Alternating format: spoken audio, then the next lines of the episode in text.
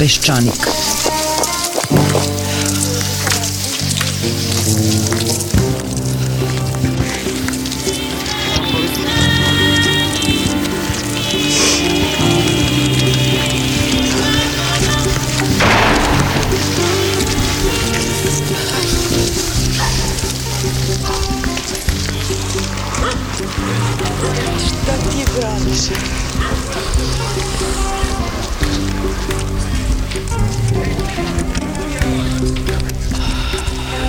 Peščanik.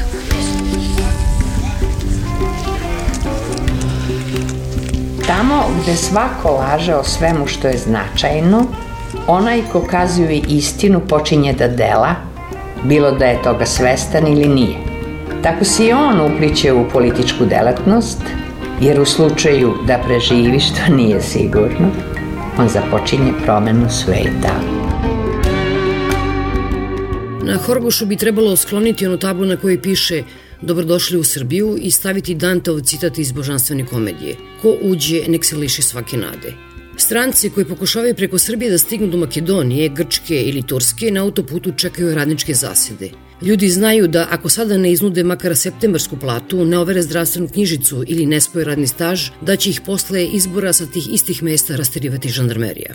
Partijski prvaci ne idu na te barikade na kojima ima još relativno malo ljudi koje je lako potkupiti, nego tamo gde ima mnogo potencijalnih birača koji pri tome mogu da naprave haos, ako recimo prestanu usred zime da iskupavaju ugalj ili da prave struju.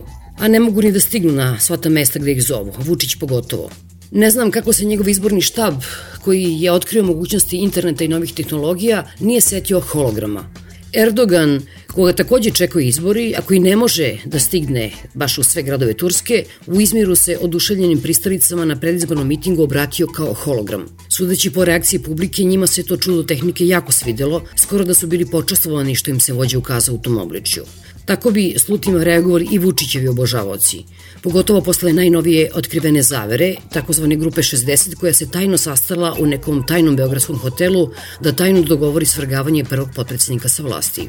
Naravno, Aleksandar Vučić je inicijirao tu priču o zaveri kako bi mobilisao sve glasače. Poučen iskustvom Borisa Tadića, kada su njegove pristalice uljuljkane njegovom glupom samouverenošću u drugom krugu predsedničkih izbora ostali kod kuće. Vučić je Kuknjevu da će izgubiti izbore objasnio sebi i svojima kao rezultat zavere, ne samo zato da bi ljude mobilisao, nego i zbog toga što njegov mozak drugačije nikada nije ni radio. Kogod nije nekada bio za njega i Šešelja, a sada samo za njega, taj po definiciji ne može biti ništa drugo nego zaverenik.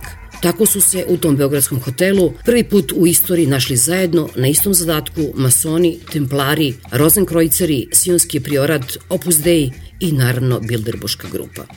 Ova božanstvena komedija se naravno tek razigrava jer ima mnogo dana i mnogo noći do 16. marta. U današnjoj emisiji o izborima govori istoričar umetnosti Branislav Dimitrijević, nekadašnji pomoćnik ministra kulture zadužen za međunarodne odnose koji je, sećate se verovatno, posle hajke u patriotskim medijima mora da podnese ostavku i izdavač Dejan Irić. Njih dvojica čućete imaju različite poglede na to da li ili ne na izbore uopšte izlaziti.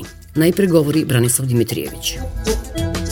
Taj čovek će sigurno biti i dalje najmoćniji čovek u ovoj zemlji, do koje mere sa njegovim pedigreom političkim, on može u jednu trenutku da kažemo, dosta je više ovoga svega bilo, da se mi vratimo na naše originalne platforme NND, za njih, njih ovako na koje imamo uvek podršku. Nacionalno pitanje ovde uvek bilo mnogo važnije od socijalnog pitanja i danas kada gledamo ove reakcije ovde na proteste u Bosni i Hercegovini, nam govore o tome da, eto, nema tu socijalnih pitanja dok se ne reši nacionalno. A istovremeno je, kako da kažem, meni fascinira ta neka neverovatna osetljivost koju ljudi trenutno vlasti pokazuju prema bilo kakvoj kritici. Sad odjednom, bože moj, neko ko je rešavao navodno pitanja korupcije, koje sve te stvari, sad on odjednom strepi da će se protiv njega nekakva nevidljiva koalicija napraviti, mi kao građani ne vidimo to. Mi ne vidimo nikakvu realnu političku konkurenciju Vučiću. Pa zamislite, evo, vi znate u Peščaniku koliko godina ste pljuvani non stop i svi smo mi navikli da budemo pljuvani, a oni su odjedno vrlo osetljivi. Su znam, evo recimo neki direktor institucija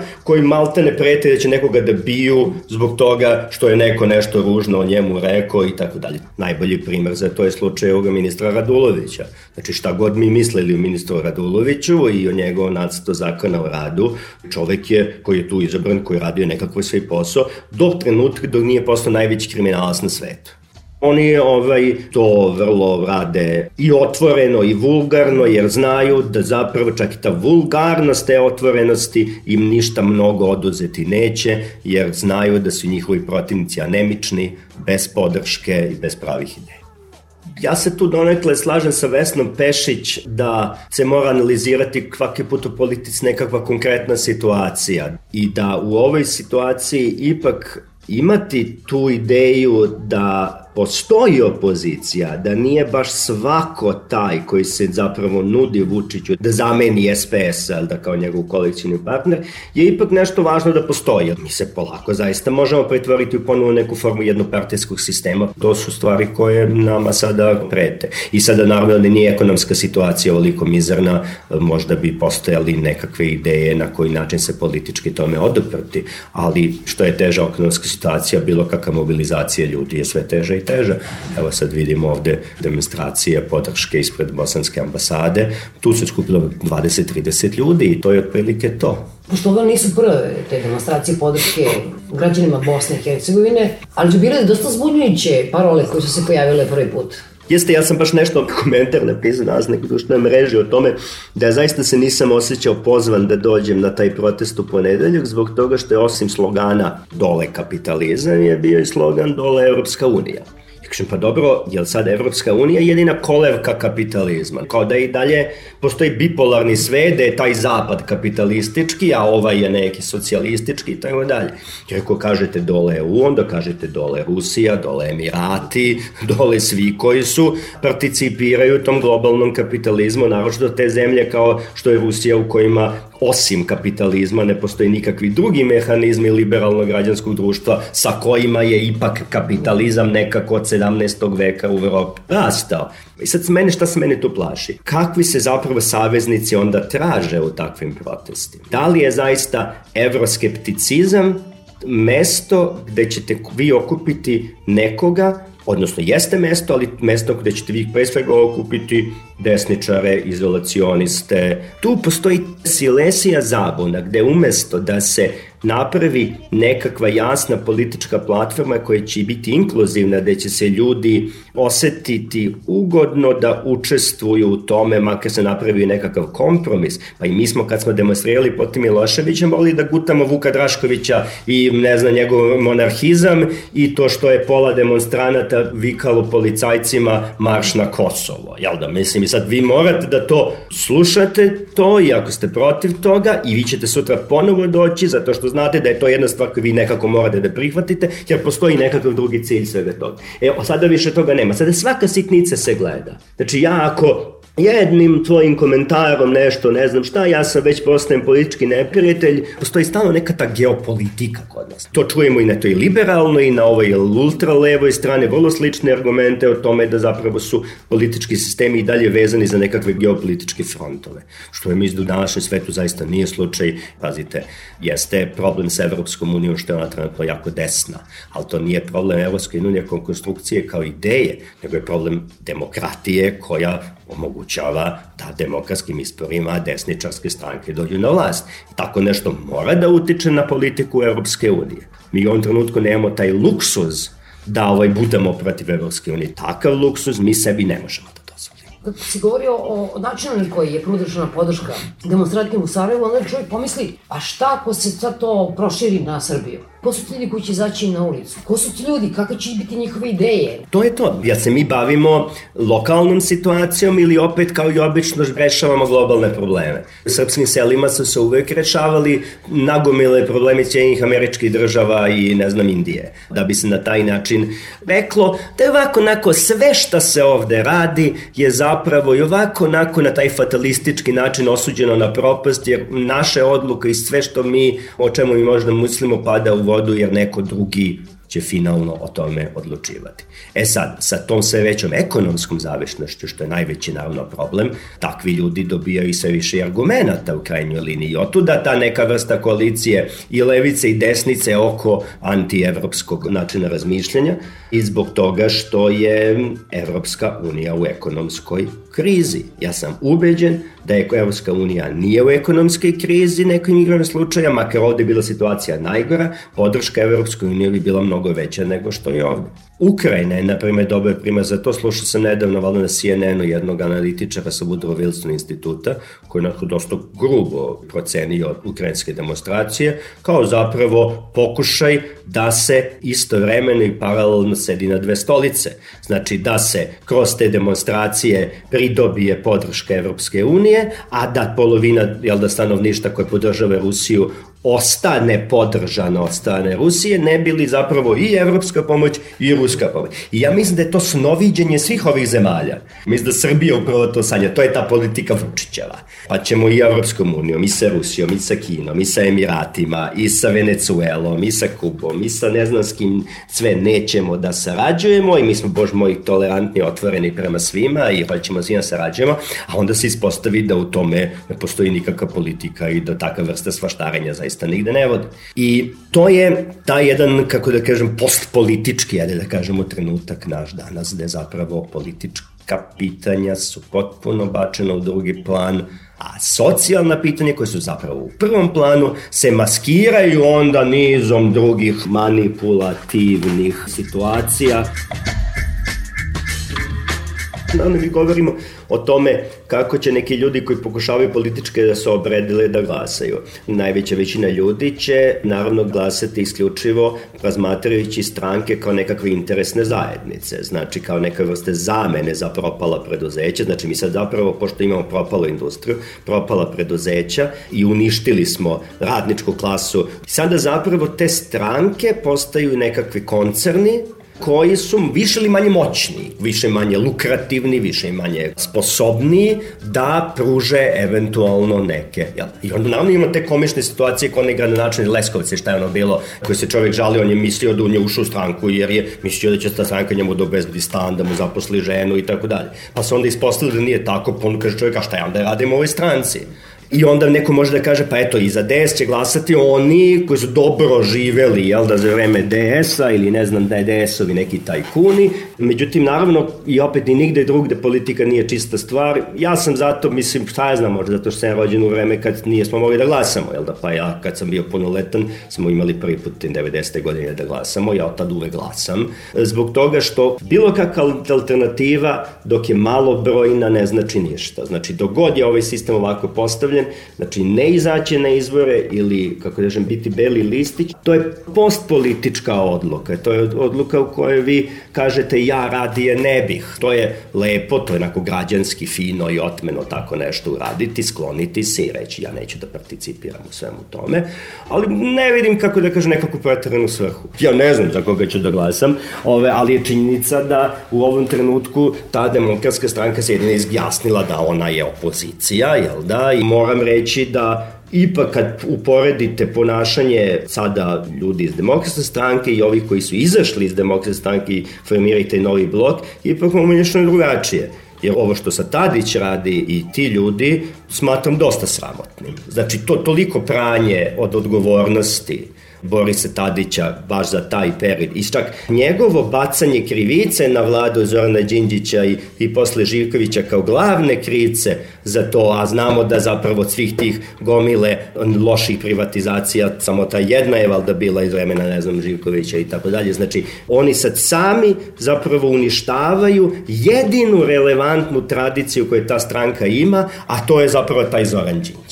Ovde se ljudi ljute što neko mistifikuje Đinđića. Pa nije, on treba da bude još više mistifikovan. Jel da, jer, kažem, u svakoj drugoj situaciji bi takva neka osoba i mi to kod takve neke osobe pomoglo određenoj političkoj opciji koja se zalaže za reforme. Tako da tu imamo jedan veliki bezobrazlog politički po mom mišljenju.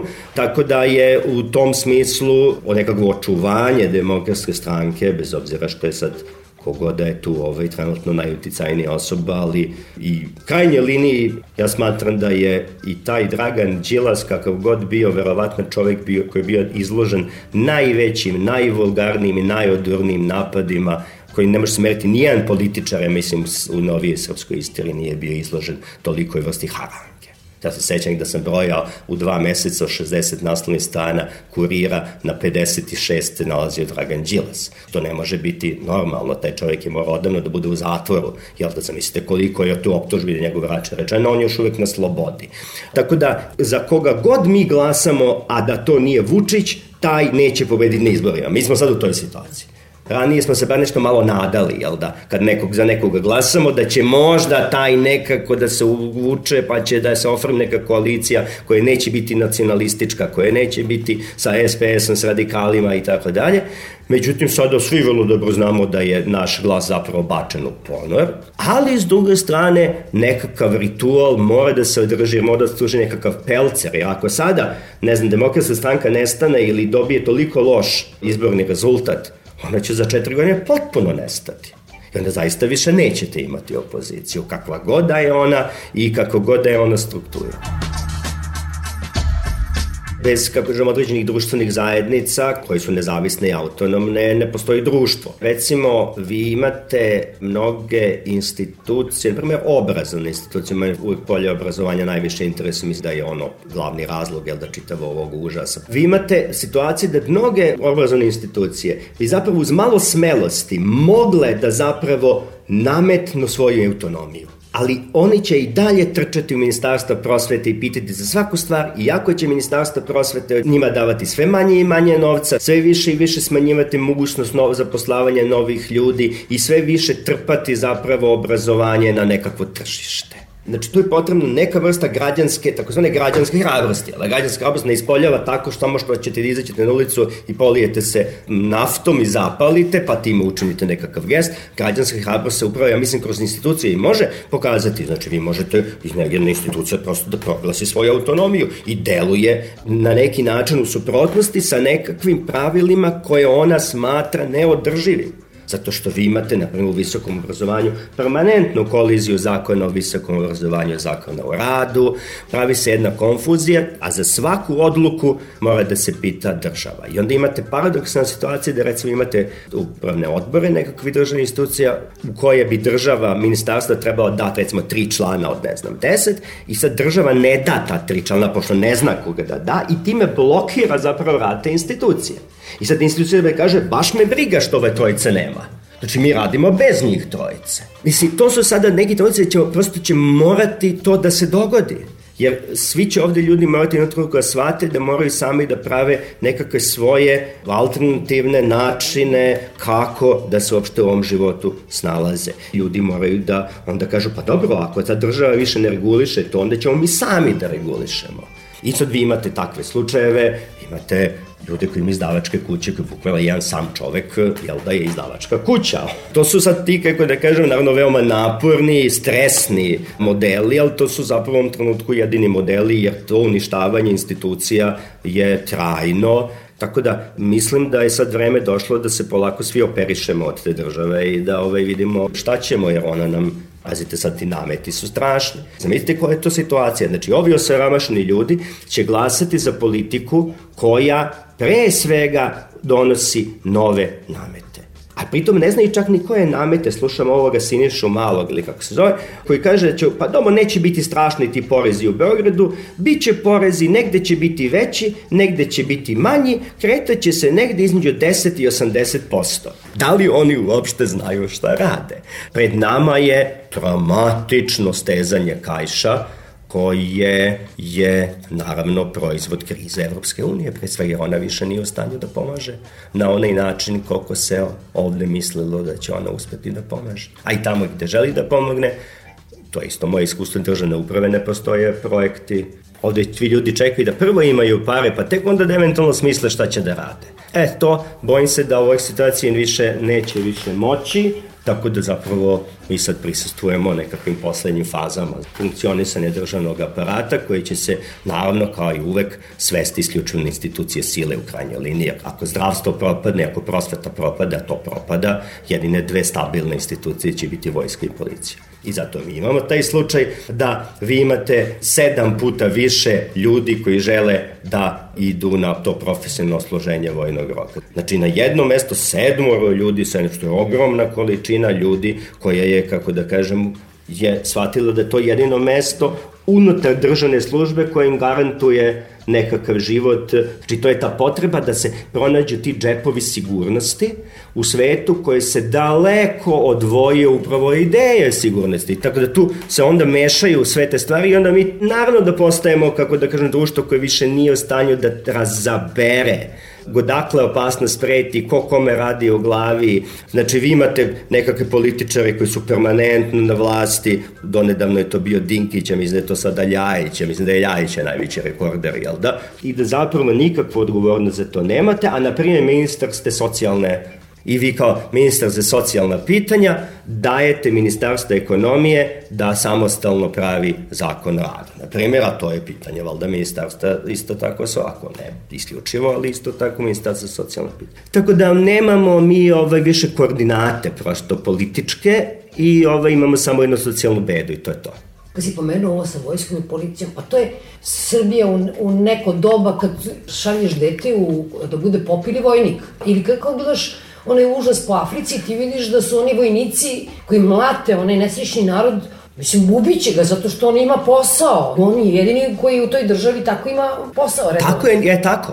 I tako, i onda to sprečava ono što je slušno za svaku revoluciju, a to je da policija preda oružje, stane se. Jel tako? To je, znači, nijedna revolucija nije uspela dok nije neko iz institucija sistema odlučio da više neće da bude u sistemu da preda, ovaj, ko ne znam, Parijska komuna, pa ne bi mogli komunari sami da drže Paris 871. toliko dugo, da nije deo garde tadašnje stao uz komunare i koji je bio naoružan i tako dalje.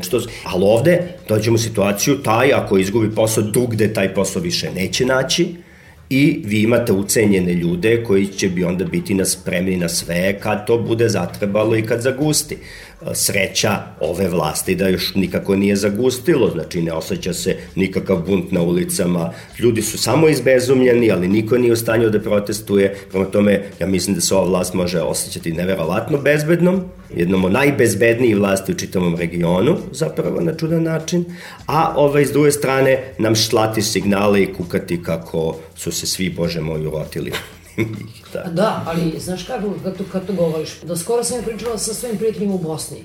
Lepo smo smislili, ako si Bošnjak imaš SDA, ako si ovo imaš HDZ, kad god neki problem izađe, ti to prebaciš na nacionalni osnov. To je preko noći nestalo.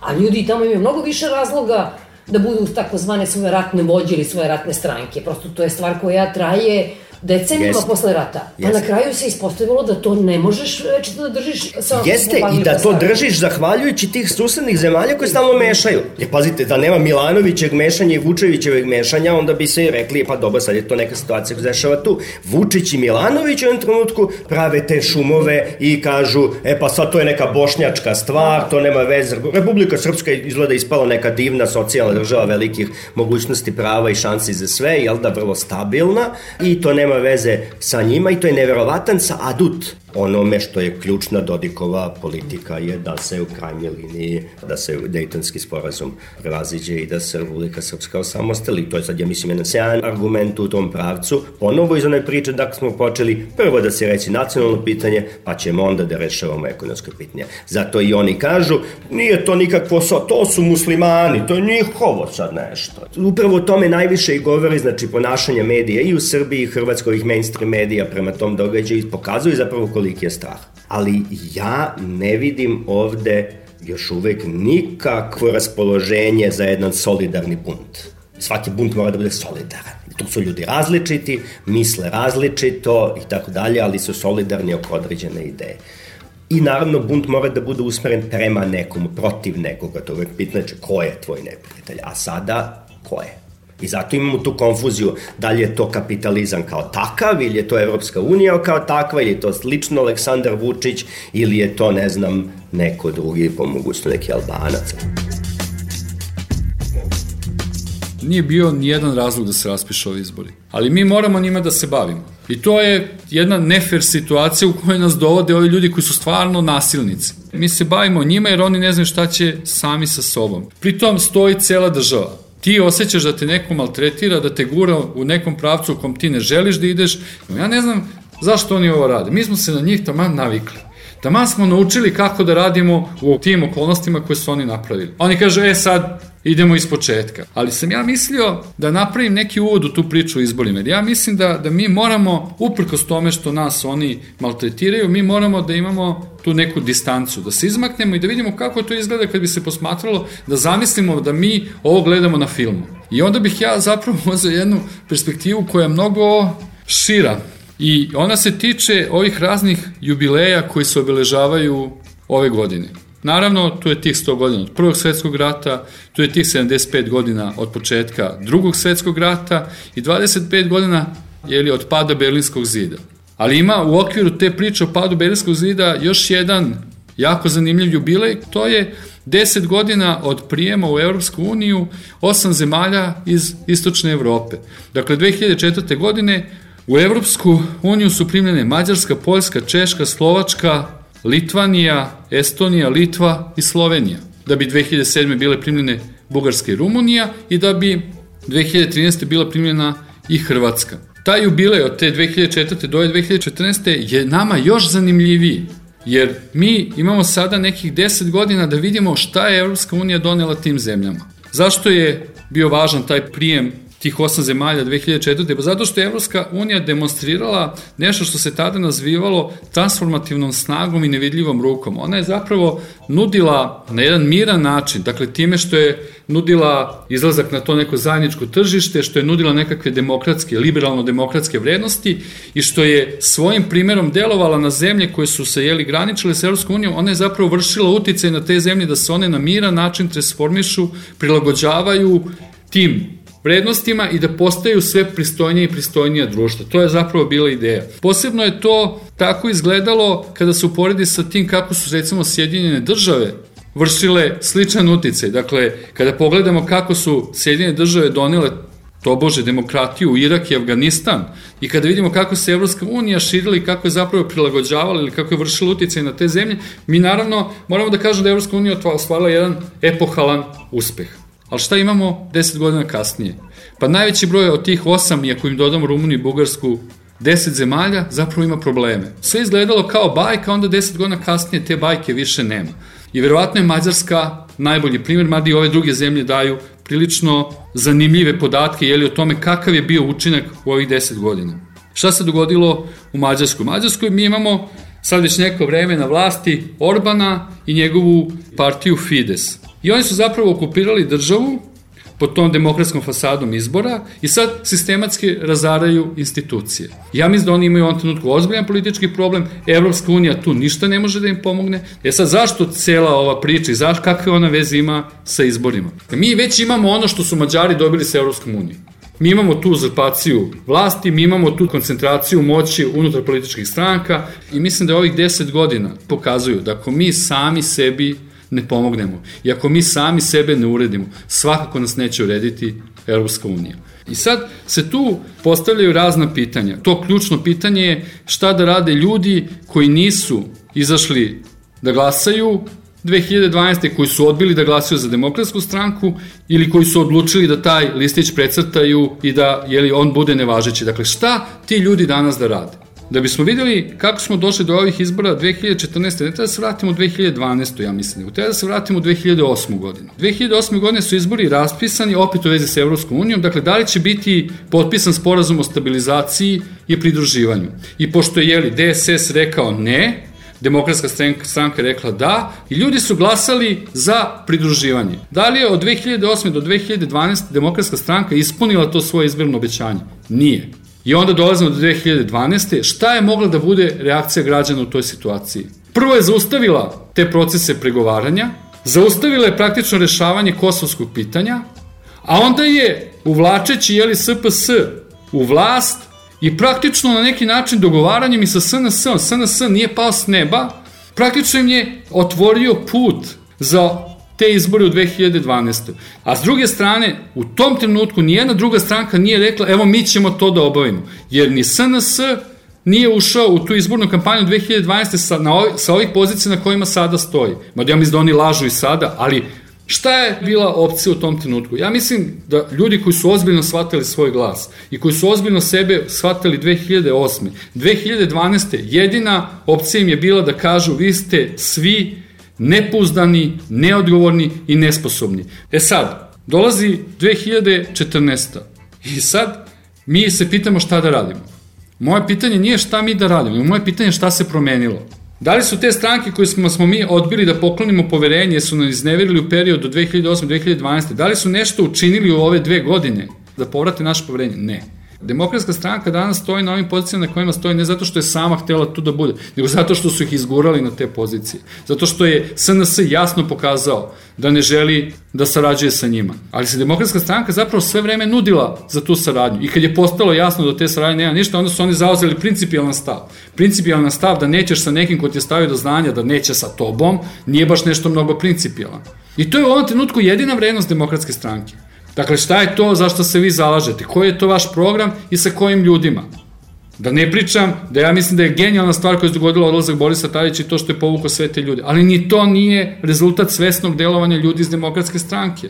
Imamo novu stranku koja ide u savezu sa Jeli, u koaliciji sa demokratskom strankom. Zoran Živković je dugo vremena imao sve moje simpatije kako bih rekao, ja sad vidim da se on ponaša isto kao i ostali. Posle svega što se dogodilo u demokratskoj stranci, načina na koji je Zoran Živković izašao iz te stranke, no on bi morao nama danas da kaže šta se to u demokratskoj stranci promenilo, da bismo mi sad poverovali da je njegova podluka da ide sa njima principijalna i da mi isto tako pomislimo u redu je, evo, verujemo ti i dajemo vam glas. Taj razgovor ne postoji uopšte, taj razgovor se ne vidi. I sad, ako ja neću da glasam I ako iznesem svoje razloge za to, kako neko sme da me pritiska da glasam? Od svih argumenta koje sam ja čuo, ja moram priznati da mi je najjači argument Razmišljao sam o tome, Stevan Filipović je li napisao taj tekst, ja sam o tom tekstu razmišljao i o njegovom argumentu. On je tu iznao jedan moralni argument. On je rekao, jeste, demokratska stranka je bila bez veze, ništa nisu uradili, ali ti ne možeš da glasaš za ratne zločince. Šta god je uradila demokratska stranka, Najbolji odgovor koji ja mogu da dam na taj argument je da nisam ja taj koji je napravio pakt sa ratnim zločincima nego Boris Tadić. I u tog trenutka su Boris Tadić i oni isto. Dakle, nisam ja zagovarao saradnju, nisam im ja otvarao vrata, nisam ja donosio ustav iz 2006. Nisam ja sa Dodikom gledao utakmici i podizao tri prsta, nisam ja stvarao specijalne odnose sa Republikom Srpskom, nisam ja onemogućavao dogovor sa ljudima sa Kosova. To je sve radio Boris Tadić i njegova demokratska stranka. I kad sam ja rekao da me nije više strah od većeg zla, ja sam zapravo rekao da su oni meni isto što i to veće zlo. I potpuno je sve jedno za koga glasam. Ali oni moraju da budu kažnjeni, jer su oni bili naša opcija. Biće kažnjeni tako što će pokazati da se ne bojimo više većeg zla, jer su nam oni taj strah razvejali. Oni su pokazali da između njih i ovih drugih nema nikakve razlike. Tu ja pokušavam da branim svoju moralnu poziciju. Sve drugo što sam čuo u vezi sa belim listićima ili ti sa ljudima koji su odlučno rekli ne političkim manipulacijama i zloupotrebama, meni deluje neozbiljno. Jedan pokušaj da se objasni zašto ta opcija da se odbije, da se da glas nije u redu je ponudio Milan Podunavac pre neki dan, jer u danas su izašao taj njegov tekst i on praktično osporava naše pravo da ne glasamo po dva osnova. S jedne strane, mi glasanjem prihvatamo uspostavljeni poredak, učestvujemo u njemu i biramo jeli kako će on da bude realizovan u nekih narednih četiri godine. Drugi čin koji mi pravimo kada glasamo, to je što jedni drugima priznajemo, prihvatamo jedne druge kao članove političke zajednice koja je naša, dakle, zajednička. Kada ti odbijaš da glasaš, kaže Milan Podunavac, ti si narušio jedno i drugo i time si sebe, ne samo što si sebe isključio iz te političke zajednice, nego si podario temelje te političke zajednice. Moj odgovor na te argumente je krajnje jednostavan. Ja i želim da podrijem temelje ove političke zajednice. Ja i ne mislim da ova politička zajednica ima poredak koji je prihvatljiv. Ja i ne mislim da kad ja kažem da pripadam ovoj političkoj zajednici, to znači isto kada kaže i neko drugi koji recimo je sve ovo vreme glasao, na primjer, za Srpsku radikalnu stranku. Vrednosti koje zastupaju ti ljudi, sa vrednostima koje bih ja da verujem i da ih zastupam, to nema blage veze jedno s drugim. Šta bi to zapravo značilo? To bi značilo da mi moramo da povedemo razgovor o temeljima ovog društva. Kakvi crni izbori, kakvi crne priče ko će za koga i o čemu. Mi bre moramo se dogovorimo koja je to zajednica u kojoj mi živimo, na kojim vrednostima ona počiva. Zašto ona uošte postoji? Ja ne kažem da mi moramo da mislimo isto, ali moramo taj okvir da rastegnemo, da ima mesta i za nas i za njih pod određenim uslovima. Ne znam o čemu Podunavac uošte govori kada kaže da mi narušavamo, ne pa ja i hoću da narušim. Ja mislim da, da ovo nije pristojno društvo, ja imam pravo da se protiv toga pobunim. Mi imamo ljude koji su bili zagovornici toga da se odbije, da se da glas strankama, koji danas zagovaraju izlazak na izbore. Ja mislim da svi oni koji kažu da na tim ljudima leži izvesna odgovornost, da su pravo. Dakle, oni moraju da objasne šta se to promenilo u ove dve godine, zbog čega su oni promenili svoj stav. Ja mislim da oni imaju praktično dve opcije. Jedna opcija je da kažu da je demokratska stranka postala bolja stranka, što mislim da nije tačno. A druga stvar, da je ovo veće zlo ispostavilo se kao nepodnošljivo veće zlo. Iz toga bih ja mogao dalje da zaključim da oni kad su razmišljali 2012. nisu uzeli u obzir da bi ovo moglo ovako da izgleda, iz čega bi moj posljednji zaključak bio da su oni bili neozbiljni 2012. Jer ja 2012. sam tačno, sad baš tačno, ali sam mogao da predvidim na šta će ovo da liči. Bilo je potpuno jasno da ova vlada neće zdržati ceo mandat. I bilo je potpuno jasno da stranke kojima smo mi odbili da damo glas, a koje su prethodnom periodu zastupale naše političke stavove i interese na toj javnoj sceni, da one moraju da rade nešto užasno brzo. Ništa se od toga nije dogodilo ili ovi zagovornici sadašnjeg izlaska na izbore moraju da nam kažu šta se to dogodilo, pošto ja to ne vidim. Ali ako bi mi oni objasnili, možda bi im ja poverovao. Dakle, to se nije dogodilo. A ako je njima ovo sad strašno, onda oni stvarno su pokazali jednu vrstu političke neozbiljnosti. Meni se čini da bi odgovor koji sublimira sve moguće odgovore bio da su očekivali da će demokratska stranka biti snažnija, odnosno da će opozicija biti snažnija. Pošto se opozicija raspala, da je neophodno podržati demokratsku stranku, odnosno opoziciju, da bi ona bila brana doslovnom uđenju autoritarnog sistema u Srbiji. Ja taj argument ne razumem. Ja ne vidim koja je razlika između tog argumenta i logike većeg zla. Ako si 2012. rekao ne dam glas, jer zahtevam da glasam za dobra rešenja, a ne za manje zlo, ovo je sad ta ista logika. Pa čoveč ako ne valja, nek se raspadne. Recimo jedna od zagovornica jeli izlaska sada na izbore je Vesna Pešić. Ja nju razumem, nju politika nosi. I ona se naravno u toj strasti opredeljuje na određene načine. Ja mislim da se ona uvek opredeli sa dovoljno dobrih razloga, da ona ume da objasni zašto je to uradila. Ali ja ne učestvujem u politici na taj način. Ja sam čovjek, građanin, koji izađe i glasa na osnovu nekakvih racionalnih promišljanja i odluka koje donesem. Kako je išao razgovor posle tih izbora? Prvo islo drvlje i kamenje na te ljude koji su odbili da daju svoj glas, a kad su došli novi izbori, sad bi svi da uzmu te glasove. Poruka danas, jeli, ljudi koji odluče da ne daju svoj glas nikome, je da i dalje zahtevaju da neko izađe sa nekakvim programom koji je sprovodljiv i za koji bi oni mogli da glasaju, za, koji, za kog bi oni mogli da stanu. Ja ne znam s kim ti ljudi razgovaraju, ti stranaka. Ja ne znam da se oni obraćaju samo svom članstvu i tim ljudima koji za njih glasaju iz interesa. A to mi koji smo sa strane, koji smo od njih nezavisni u izvesnoj meri, to šta mi mislimo njih nije uošte briga. I pošto njih nije briga za nas, ne znam zašto bi nas bilo briga za njih. Pazi, demokratska stranka, e, pa čoveče, oni su ušli u kampanju s idejom da je Vučić diktator. Mislim, kad je Srbija imala problem s diktatorima? To kao da rade kampanju za njega. Pa ljudi ovde svi kažu daj nam čvrstu ruku da dovede stvari u red. Kaka je to kampanja?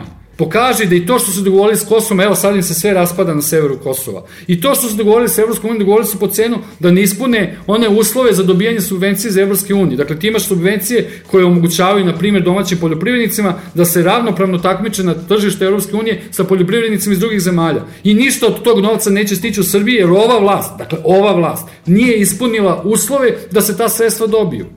A pošto to kažeš, onda reci šta ćeš ti da uradiš. A druga stvar koju može neko da zameri i što deluje isto kao nekako na prvi pogled prihvatljiv prigovor je, a što vi ne napravite stranku? Pa zato što postoji jedna elementarna stvar koja se zove podela posla. Dakle, postoje ljudi koji se bave politikom profesionalno i postoje građani koji imaju pravo da nadgledaju i ocenjuju rad onih koji se bave politikom. Ja sam u životu izabrao da budem građanin. Ja kao građanin imam pravo da ne uđem u političko polje, ali da i sve snage učestvujem u javnom prostoru kada se raspravlja o nekakvim političkim pitanjima. Drugi razlog je praktičan, u Srbiji u ovom trenutku nema resursa da se prave nove stranke. I to pokazuje stranka Zorana Živkovića. Dakle, nema materijalnih resursa da se napravi nova stranka. Politička stranka zahteva novac. Tog novca u ovom trenutku u Srbiji više nema. Recimo, slušao sam to kad kaže Vladimir Gligorov. I on kaže, i onda bi stranke trebalo da izađu sa programima, pa da nam kažu šta je kako. Ali mi znamo to se neće dogoditi. I to je atmosfera ovih izbora. Mi svi znamo šta bi trebalo da se desi i svi znamo da se to neće desiti. Pa kad je to već sve tako, zašto u tome učestvujemo? Moramo li kažemo, dajte nam program i onda možemo da razgovaramo. Dok nam ne date program, dok nas plašite i dalje, ne znam kakvim pričama, nemamo čemu da razgovaramo, nemojte se ljutite. Ja ne, ne, ne mislim ni da to treba neko mnogo da se vređa, ne znam uošte, posle 25 godina katastrofe, otkud uošte toliko strasti? Pa mis, ja mislim da smo mi najgore već videli. Ovo su neki odsjaj tog najgoreg, ovog što danas gledamo kada su u Argentini išli ti procesi, neke vrste te tranzicione pravde, uošte kada se događali ti procesi tranzicije u Argentini. I to je vrlo ličilo na period 2000-2003 u Srbiji. Imao si vojsku koja je bila s jedne strane, imao si vlast i građane s druge strane. Ovde kod nas imao službe bezbednosti, pa onda i delom vojsku i policiju i sve ostalo. S jedne strane imala si vlast i građane s druge strane. Naravno, u toj vlasti su bili pipci, svih ovih ljudi, ali sumnjam da je u Argentini bilo nešto mnogo drugačije. I nekoliko puta u Argentini pokušan taj državni udar. Vojska je prosto, pošto je bila izložena ozbiljnim pretnjama da će im biti suđeno, i zanimljivo je naravno da je vojska pala s vlasti pošto je izgubila jeli, Foklandski rat. I zbog toga se ljudi sklonili. Ne zato što im je bilo nepodnošljiva diktatura, sve nego prosto izgubili ste rat, obrukali ste se, aj sad zdravo. Tako i kod nas. Izgubio se Kosovo, bombardovali su nas, aj zdravo. A to što je on bio diktator, Srbiji bez problema s tim izlaze na kraj. To ništa njima. I sad, kad je vojska krenula, predsednik je pozvao građane da naprave živi zid između njegove rezidencije i vojnih jedinica koje su krenule ka toj rezidenciji. Građani stvarno izašli. I vojska se vratila i nije napravila državni udar. Šta je trebalo da se dogodi kada su, kako su se zvali, neću da im govorim ime, nije ni važno, što su na gazeli demonstrirali. Da li možda daje situaciju koju Đinđi zove građane da opkole tu jedinicu, da naprave živi zid, da ona ne može ni napred ni nazad. Građani da im pokažu da to kako oni misle da rešavaju stvari da to više ne može. I recimo Đinđić uputi taj poziv. Šta misliš koliko bi ljudi izašlo? Pa niko ne bi izašao. Ista stvar važi kao što je važila i tada. Šta misliš kad bismo mi osvali ljude i rekli ugrožena vam je sloboda, ode, odošle stvari, dođe voli, izađite na ulicu da pokaže da s tim ne slažete. E sad, zašto je to tako? To treba se zapitaju. Sve ove razne organizacije, sindikati i svi ostali, kako je to moguće? Zašto mi stalno gledamo nekog spasitelja? Zašto mi stalno imamo taj manjak vere u same sebe i da kažemo, znaš, kad se mi dogovorimo i kad mi izađemo na tu ulicu i kad mi kažemo tako više ne to je dovoljno. Mnogo jednostavnije to. Ta spremnost da braniš svoju slobodu lično od ovoga čega se mi igramo. Ta potraga za spasiteljem je opasan posao. I ja mislim ko bude hteo da menja Srbiju, naravno da su važne ekonomske mere, ali obrazovanje. Prvi za koje ću ja glasati oni koji izađu sa dobrim obrazovnim programima. A ovo od danas do sutra, pa me danas plašiš, ovaj diktator izađe da glasaš, a sutra ti kad dođeš njegovo mesto počneš da se ponašaš vrlo slično, to stvarno, to smo videli sa Tadićem. Tadić mi je dobar simbol, zato što naravno da izvezumljuje kada krenu ove demonstracije u Bosni i Hercegovini, što Vučić zove odma, jeli Dodika na razgovore. Pitan se ti pitaš kakve ti veze imaš s njima. Onda joj kaže, nisu oni nacionalisti. Pa ako nisu nacionalisti, po kom osnovu on ih zove? To bre ljudi iz druge države. To Tadić pomaže Dodiku u kampanji, pa onda Dodik dođe u Srbiju pa pomaže Tadić u kampanji. Pa onda idu da gledaju reprezentaciju Srbije, futbol, znaš umeš, ovi se oblukaju na terenu, a oni njih dvojica sede u loži. Čega je to bila demonstracija? Šta su oni time teli da poruče? I sad kao Vučić mi je ne znam šta, veće zlo.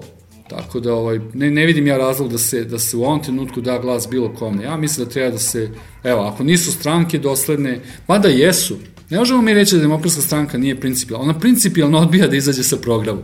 Nećemo da prihvatimo odgovornost, nećemo da damo analizu svog lošeg rada, tu ima neke doslednosti. Ali evo i mi možemo na to da odgovorimo isto nekakvom doslednošću. Eto, utoliko su se stvari izmenile da više ne moramo da glasamo za veće zlo, sad je dovoljno da odbijemo da damo glas. Osim što ti ljudi zaslužuju sve simpatije i svaku podršku, mislim da imamo dve stvari koje su tu obespokojavajuće. Prva je reakcija građana Republike Srpske. Ja mislim da je to porazno kako su ljudi u Republike Srpske na to reagovali. To je jedan od težih udaraca i to govori zapravo o toj snazi srpskog nacionalizma i dalje. U Bijeljini je bio taj, skupili se ljudi koji su htjeli da podrže demonstranti iz federacije, a onda se vrlo brzo skupila i grupa mladih ljudi koja je jeli, uzvikivala Karadžiću i Mladiću i pretila ovima što su podržali demonstrante u federaciji. Onda imaš Dodikovu izjavu da neće moći ni jedan demonstrant, paziti, on je postavio granicu između kao neće moći ni jedan demonstrant da uđe u Republiku Srpsku. To je bre njihova država. Užasno me to uznemirilo. Ta reakcija u Republici Srpskoj na to što se događa u federaciji, Ako nešto Bosna i Hercegovina ovim demonstracijama nam pokazuje, to je da je to jedno društvo čiji su kanali komunikacije političkom komunikacije zagušeno. I da tu svako neslaganje, svako nezadovoljstvo ne može više da se artikuliše unutar nekih institucija, nego će se artikulisati nasilno, a pošto se artikuliše nasilno, velika je neizvesnost je li kakav će rezultat tog nasilja koje je na taj način izbilo, kakav će rezultat svega toga biti. Ono što smo mi videli u Bosni i Hercegovini, prvo da ima veliki broj nezadovoljnih ljudi koji su spremni na sve, oni koji su jeli u tim političkim telima, oni nemaju nikakve veze sa ovim ljudima i ljudi su rekli sad ćemo sve da spalimo i slušamo. Znaš, simbolički gledano, oni su rušili institucije, odnosno zgrade koje oploćuju institucije federacije. A oni su praktično rušili državu. Pazi, ti kreneš silom ljudi iz Bosne i Hercegovine su toliko toga preturili preko glave. I sad ti njih hoćeš da uplašiš nekakvim policijskim jedinicama. I oni su išli i rekli, mi, ovo, ovo nije naša država. Možeš ti da je nazivaš i bošnjačkom, to, ja mislim da je to poruka, ali to je tek prvi korak. Postavlja se pitanje, a kako ćemo mi da napravimo tu državu našom? To je pitanje s kojim se mi suočavamo. Ni ovo nije naša država. Ja čak ne mislim ni da je važno da izađeš na izbore i da precrtaš. Sedi bre kod kuće. Može, evo, ja ću možda da odem do, i da kažem, neću ni za koga glasam i aj zdravo, da pokažem da nisam lenj. Ali potpuno bih razumio ljude koji ko ostanu kod kuće kažu, ma koga briga. U ovom trenutku su mi ruke vezane, u političkom prostoru nemam svoje predstavnike, seću kod kuće, pa ću sačekati ili ću nešto uraditi jeli da se pojavi neka bolja šansa. Slušali ste Branislava Dimitrijevića, a potom i Dejana Ilića. A osim izbora, izbornih lista i koalicija, tema ove nedelje, čak i u našim medijima, bilo je ovo što se događalo i još uvek se događa u Bosni i Hercegovini, tačnije u Federaciji, jer je naš deo Bosne miran, stabilan i prosperitetan. U Beogradu je ovih dana bio naš povremeni sagovornik i autor tekstova na sajtu Peščanika Sarajlija Damir Dizdarević, inače po struci matematičar i informatičar, pa smo hteli da čujemo njegovo mišljenje o događajima u Bosni. Damir Dizdarević koliko god ljudi koji žive u Bosni ovaj, sve ove godine očekivali da će socijalni nemir jedno prije ili kasnije da krenu, ovo zaista jeste izgledalo dramatično To što je se sad desilo u prošli petak je praktično bila kulminacija tih protesta koji su krenuli iz Tuzle. Ti radnici u Tuzli koji su započeli praktično te proteste par dana ranije, mjesecima prije toga protestovali na miran način. Ja mislim da su oni apsolutno kroz te svoje proteste iscrpili apsolutno sve mogućnosti mirnog protestovanja. Ne želim da kažem da je moralo da se radi to nasiljem, ali oni zaista nisu više imali nekog drugog načina da skrenu pažnju na sebe i na te svoje probleme koje imaju. Ono što je možda bilo iznenađujuće kako su se brzo ti protesti iz Tuzle proširili i na Sarajevo, i na Mostar, i na Bihać, i na Zenicu. To se zaista desilo preko noći. I to je možda iznenađujuće samo s aspekta brzine tog reagovanja ostalih gradova. Ali nije iznenađujuće iz te perspektive da je zaista u zadnje četiri godine apsolutno sve otišlo nizbrdo, da tako kažemo, i ovi protesti su se desili lokalno i oni su bili najprije usmjereni prema kantonalnim vladama zbog rješavanja lokalnih problema, jer po toj konstrukciji Bosne i Hercegovine, odnosno federacije koja je podijeljena u tih deset kantona, kantoni su zapravo lokalna izvršna vlast koja može da rješava većinu problema na tom lokalnom nivou. Ono što je zapravo tu više zabrinjavajuće, rekao bih na duže staze, a to je što se nije zapravo od svog tog nasilja desilo to da su jasno formulisane zahtjevi prema tim lokalnim vlastima, izuzev što su se tražile ostavke. Mi imamo zakazane izbore za oktobar mjesec, davanje ostavke sad od strane bilo koje vlade je potpuno besmislen čin. Niti možete da nađete nekoga ko bi se sad prihvatio tog posla da šest mjeseci vodi bilo kakvu vladu u ovakvom okruženju. Ta vlada koja je sad dala ostavku će i onako da ostane u tehničkom mandatu do izbora. Međutim, same ostavke kantonalnih vlada nisu, nažalost, riješile ništa. Unazad, ako se vratimo nekoliko godina, bilo je toliko vrlo jasnih pokazatelja da će to jednog dana da se desi od te ogromne nezaposlenosti, od školstva i zdravstva koji se bukvalno raspadaju i do korupcije koja je apsolutno prisutna na svakom koraku. Pa čak i do toga da smo, eto konkretno u Sarajevu, mi u zadnjih nekoliko mjeseci imali i povremena otkazivanja onih elementarnih servisa. Više ne možete ni u gradski saobraćaj da se pouzdate, jer ne znate da li će radnici da štrajkuju kao što su par puta to uradili ili će elektroprivreda da im ugasi struju. Znači to je potpuno sulud jedan scenarij gdje vi imate dvije državne kompanije koje moraju da se pobrinu da osnovni gradski servisi funkcionišu kako treba i da ne rade jedno protiv druge. Nedavno je iz Poreske uprave federacije isturio zvanični spisak stotinu najvećih primanja državnih dužnosnika, odnosno direktora u kompanijama sa državnim vlasništvom. I to su bili enormni iznosi. Bosna i Hercegovina u takvom siromaštvu i pored tolikog administrativnog aparata koji je nezabilježen nigdje u Evropi, da državni funkcioneri imaju ubedljivo najveće plate u cijelom regionu. Da naš predsjednik vijeća ministara ili član predsjedništva ima veću ili gotovo istu platu kao recimo slovenački ili dva puta veću nego što ima predsjednik vlade u Srbiji. Sad ako na to dodate činjenicu da mi imamo toliko različitih nivoa vlasti, tu postoji otprilike između 150 i 170 ministarstava na nivou Bosne i Hercegovine, čega je većina u federaciji zbog te podijeljenosti po kantonima, onda vidite da je to čudovišna konstrukcija od administrativnog aparata koja pojede sve. Ljudi su znali manje više da su to velika primanja, ali nisu znali da su baš tolika. Da su to primanja na mjesečnom nivou od nekih 7 do 10 hiljada evra, mislim, što je apsolutno suludo da imate prosječnu platu koja se kreće između 350 i 400 evra i to u kantonu Sarajevo koji je, recimo, slovi za najbogatiji. I kad se svi ti faktori uzmu u obzir i jedna opšta blokada vlasti, onda zaista ne možete da kažete da je to bilo iznenađujuće što se desilo. Recimo, podnio ostavku direktor policijske agencije za koordinaciju policijskih tijela, jer je rekao da on zbog toliko kompleksnog administrativnog aparata koji stoji na njim uopšte nije u stanju više da reaguje i da zaštiti te institucije na odgovarajući način, jer nema administrativne mehanizme da nekome nešto naredi u tom smislu. Praktično se gube te nadležnosti ko zapravo treba da reaguje u takvim scenarijima. I sad je moglo da se vidi na svim ovim protestima, policija je bila vrlo suzdržana, što je sa jedne strane dobro, jer nije došlo srećom ni do nekih ozbiljnijih ranjavanja, ni do toga da neko pogine, a s druge strane ona i tu jeste da služi kao zaštita za, i za ustavni poredak i za institucije društva i protesta će sasvim sigurno da bude i socijalni protesta će biti, ja se samo nadam da neće biti tog nasilja i te paljevne, jer to definitivno ništa ne doprinosi i osim nažalost skretanja pažnje koja izgleda nije mogla da se skrene na neki drugi način. Kako je po mišljenju reagovala vlast na različitim nivoima?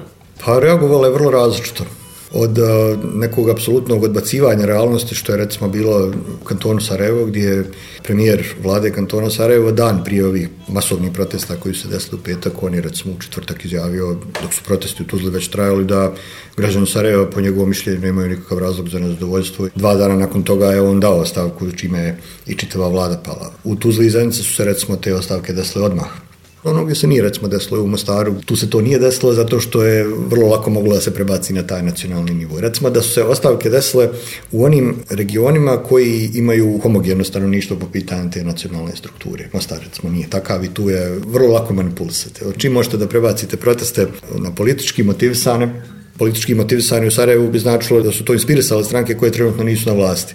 Ako to isto kažete u Mostaru, onda će to tamo biti između Bošnjaka i Hrvata, jel, da je, da je inspirisano na takav način. Uglavnom, naravno, pokušava da se skine odgovornost sa onih koji su trenutno na vlasti, time što ćete da kažete da, je, da su to njihovi politički protivnici inspirisali, da to u stvari ne odgovara realnom stanju, da su to uplaćeni ljudi, čak je bila jedna izjava da su to drogirani, pa to da su vjerojatno shvatili da u momentu su malo pretirali, pa su rekli da ipak nisu kao drogirani bili, nego da je to neka pogrešne informacije isturila, međutim to je i dalje potpuno suludo. Međutim, to prebacivanje na opoziciju koja ima prav, koja je nezadovoljna i hoće uvijek da lovi u mutnom, nije isto, pogotovo ne u Bosni kada se to prebacio na nacionalnu temu.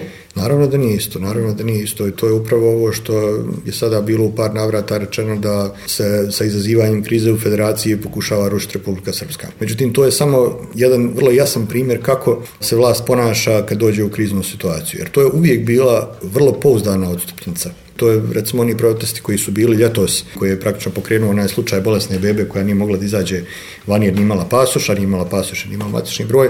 Znači oni su bili inspirisani baš isključivo tim slučajem. To je vrlo onako emotivna reakcija ljudi bila da se to riješi, da bi se tom djetetu pomoglo. Ali prva reakcija je bila da je to politički inspirisano. Jer čim to prebacite na politički ili nacionalni aspekt u Bosni, vi ste time riješili 50% stvari i imate tačno znate koga možete da okrivite za to. Međutim, ovo je sad dosta teško prebaciti na takav nivo, jer su te vatre planule na više frontova. Vrlo je jasno da su ljudi zaista izrazito nezadovoljni, gladni, bukvalno, bez posla, bez ikakve perspektive i to može da se vidi kad ih pogledate na kraju krajeva konkretno zbog neprovođenja presude Sedić Finci, Evropska unija zaista rekla ne možete da maknete nigdje dalje dok se to ne sprovede. I pošto se to ne sprovodi, to je postavljeno kao uslov preko kojeg ne može da se pređe dok se on ne riješi. I mi smo zbog toga izgubili i neke fondove predpristupne iz Evropske unije, što je dodatno još usložilo ovu ekonomsku situaciju, jer pored ovog finansiranja strane emigracije i ti fondovi Evropske unije su jako puno do sada pomogli da se bilo šta radi. Sad je i to jednim većim dijelom zaustavljeno upravo zbog nemogućnosti da se postigne dogovor oko jednog suštinskog pitanja koje bi u svakoj normalnoj zemlji uopšte ne bilo pitanje zapravo. Pitanje presude Sejdić Finci zapravo nije trenutno pravo pitanje. Ono se samo predstavlja pod tim imenom. Ja bih rekao da je taj problem koji se trenutno rješava, a ne može se riješiti tako kako je krenuo da se rješava, on je dobio brand Sejdić Finci. Međutim, sama presuda Sejdić Finci propisuje vrlo jednostavnu stvar, da u Bosni i Hercegovini svaki građan ima pravo da bude biran. Po Dejtonskom ustavu predviđeno je da samo predstavnici konstitutivnih naroda mogu da budu birani u organe vlasti. Sejdić i Finci su dva čovjeka, predstavnika manjinskih naroda, jedan jevrej, jedan rom, koji su tužili Bosnu i Hercegovinu sud za ljudska prava, jer nemaju mehanizam da oni mogu da se kandiduju za takve. I sud je presudio sasvim normalnu stvar, a to je da mora da se omogući takav izborni mehanizam koji će omogućiti predstavnicima ostalih da kandiduju jednostavno svoje kandidate za i za predsjedništvo, ali i za druge nivoje vlasti. A međutim, nije, to nije trenutno ono što se rješava unutar te presude Sedić Finci. Ono što se trenutno rješava je kako spriječiti predstavnike jednog naroda da glasaju za predstavnika drugog naroda. Direktan povod za tako nešto je bio izbor Željka Komšića, koji je trenutno hrvatski član predsjedništva i koji u prethodnom sazivu bio hrvatski član predsjedništva, njegov izbor na, na to mjesto. Jer predstavnici hrvatskih stranaka na prvom mjestu HDZ-a sa tim nisu bili zadovoljni, tvrdeći da je njega izglasalo većinom bošnjačko stanovništvo kao predstavnika hrvatskog naroda. On je dobio jedan dio glasova iz regiona koji su sa većinskim bošnjačkim stanovništvom, zato što su ljudi prepoznali, ili makar oni koji nisu željeli da glasaju isključivo po nacionalnom ključu, oni su tada prepoznali u tom čovjeku nešto što, što im se dopalo. On je, iako se kandidovao kao Hrvat, jer nije mogu drugačije da se kandiduje, pokušavao da drži neku ekvidistancu od svih naroda, a da istovremeno pokušava da radi za sve. I to je bio razlog zašto je, zašto je dobio te glasove bošnjačkog naroda. Međutim, A to je bio alarm za uzbunu? To je bio dva puta alarm za, za veliku uzbunu na prvo mjesto od strane HDZ-a koji nije njemu priznavao to da, da je pravi Hrvat i da on zaista može da predstavlja hrvatski narod. Ono što se sad dešava po tim brendom Sedić Finci je zapravo rješavanje tog pitanja. Kako da se napravi mehanizam, izborni mehanizam u kojem ćete vi da unutar jedne države spriječite pripadnike jednog naroda da glasaju za nekoga ako nije iz njihove nacionalne skupine obzirom da je to nezabilježeno, barem koliko ja znam igdje, naravno da je to teško napraviti. Vi sad morate da, znači, da napravite takav mehanizam da konkretno za članove predsjedništva uvijek budu izabrani oni koji su pravi predstavnici tog naroda. A kako ćete definisati ko je pravi? Konkretno je to tom Željku Komšiću, mada nije uopšte sad bitno o kome se radi, kažete nisi pravi Hrvat, iako se on kandidovao kao Hrvat. A s druge strane, nedavno je bio prijedlog, sad ne mogu tačno da se sjetim ko je to rekao, neko je od trenutno ljudi koji su na vlasti, koji je rekao, pa dobro, mogu, šta, nek se ti sedići Finci izjasne kao Srbin, Hrvat ili musliman, mi nećemo provjeravati to. Pa, pa možemo to tako da riješimo. Znači, to su... Oni izgovaraju sve to. Jeste. Znači, s jedne strane vi hoćete pitanje ostali da riješite tako, a s druge strane, kad neko dobije na izborima, recimo kao predstavnik jednog konstitutivnih naroda, onda vi kažete da nije taj pravi. A znači, dobro, to je... pa po tome i u stvari sertifikat bi davale stranke koji insistiraju da se identifikuju sa svojim narodom. Pa jeste, tipa pa, HDZ, tipa upravo SDA, tako, tipa upravo tako. Vi, vi trenutno imate sad tako, već dugo u Bosni, ali još od rata, postoje stranke koje su bukvalno monopolizirale sebi pravo da predstavljaju određene narode. Konkretno, evo kad govorimo o hrvatskim strankama, to je definitivno HDZ. Mislim da bi oni bili zaista sretni kad bi to moglo, jel, da u ustavu piše da član predsjedništva iz reda hrvatskog naroda mora biti član HDZ. I to je zapravo bit te presude Sedić Vinci. Znači, nije problem u tome, niti je ikad bio problem u tome da ovi ostali mogu da imaju svog predstavnika. Problem je u tome da ne bi neko slučajno od ovih koji su nacionalno grupisani glasale za ostale ili, ne daj Bože, što još gore, za predstavnika drugog konstitutivnog naroda. Eko toga oni ne mogu da se dogovore i zbog toga je praktično blokirano sve već nekoliko godina. Kakva je uloga u celoj toj priči Evropske unije, odnosno njenih zvaničnih institucija u Bosni? To je jako dobro pitanje. Ni meni to zaista nije baš jasno. Prvo, ta izjava o slanju trupa je slično, mislim da je prilično izvučena iz konteksta i da je u medijima kao senzacionalistička predstavljena da nije bila ni tako formulisana. Visoki predstavnik ima toliko drugih mehanizama koji mu stoje na raspolaganju prije nego što bi poslao neke strane trupe da je apsolutno to nešto što je ono kako bi narod rekao na dugu štapu vrlo da bi uopšte moglo da se desi.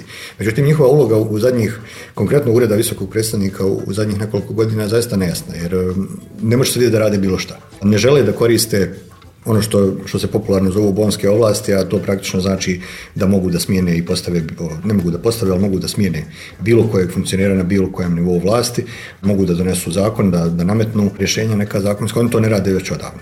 S te strane zaista nije jasno koja je njihova uloga, osim što već neko duže vrijeme ponavljaju da lokalni političari treba da sami rješavaju te probleme, što je sasvim u redu i svaka normalna zemlja koja hoće da bude nezavisna bi trebala da tako radi. Međutim, vrlo je očito da to ne ide.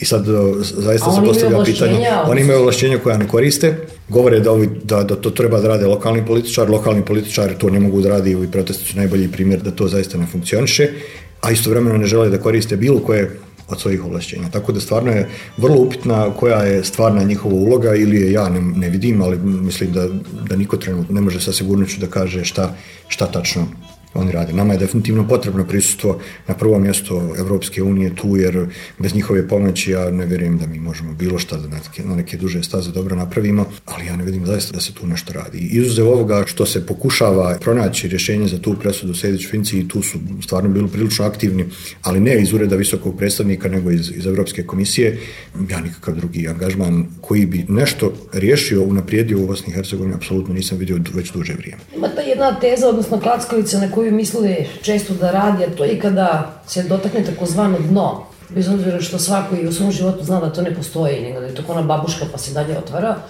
a to je da ukoliko situacija bude sve gora i gora, ukoliko Evropska komisija blokira predpristupne fondove zbog uh, presude Sedić Finci ili zbog nekog drugog razloga, da će na kraju svih krajeva političari shvatiti da morali sebi i svojim partijskim članovima da dele platu, da neće biti, da će jednog časa morati da se priklone razumno za početak. Tako je, tako je, pa to je upravo ono što mi slušamo stalno i od strane Ureda visokog predstavnika i iz Evropske unije, međutim to se nikako ne dešava. Meni je jasno sa te strane da su oni ostavili neko vrijeme koje se jako proteglo da se pokuša to desiti.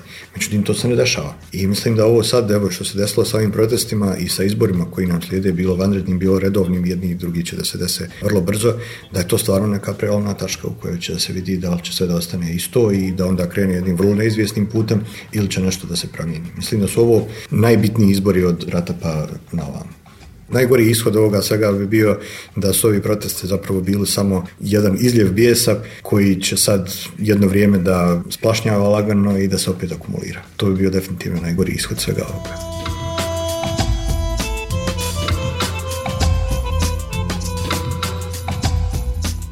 Bio je ovo još jedan peščanik, pozdravlju vas obe Svetlane.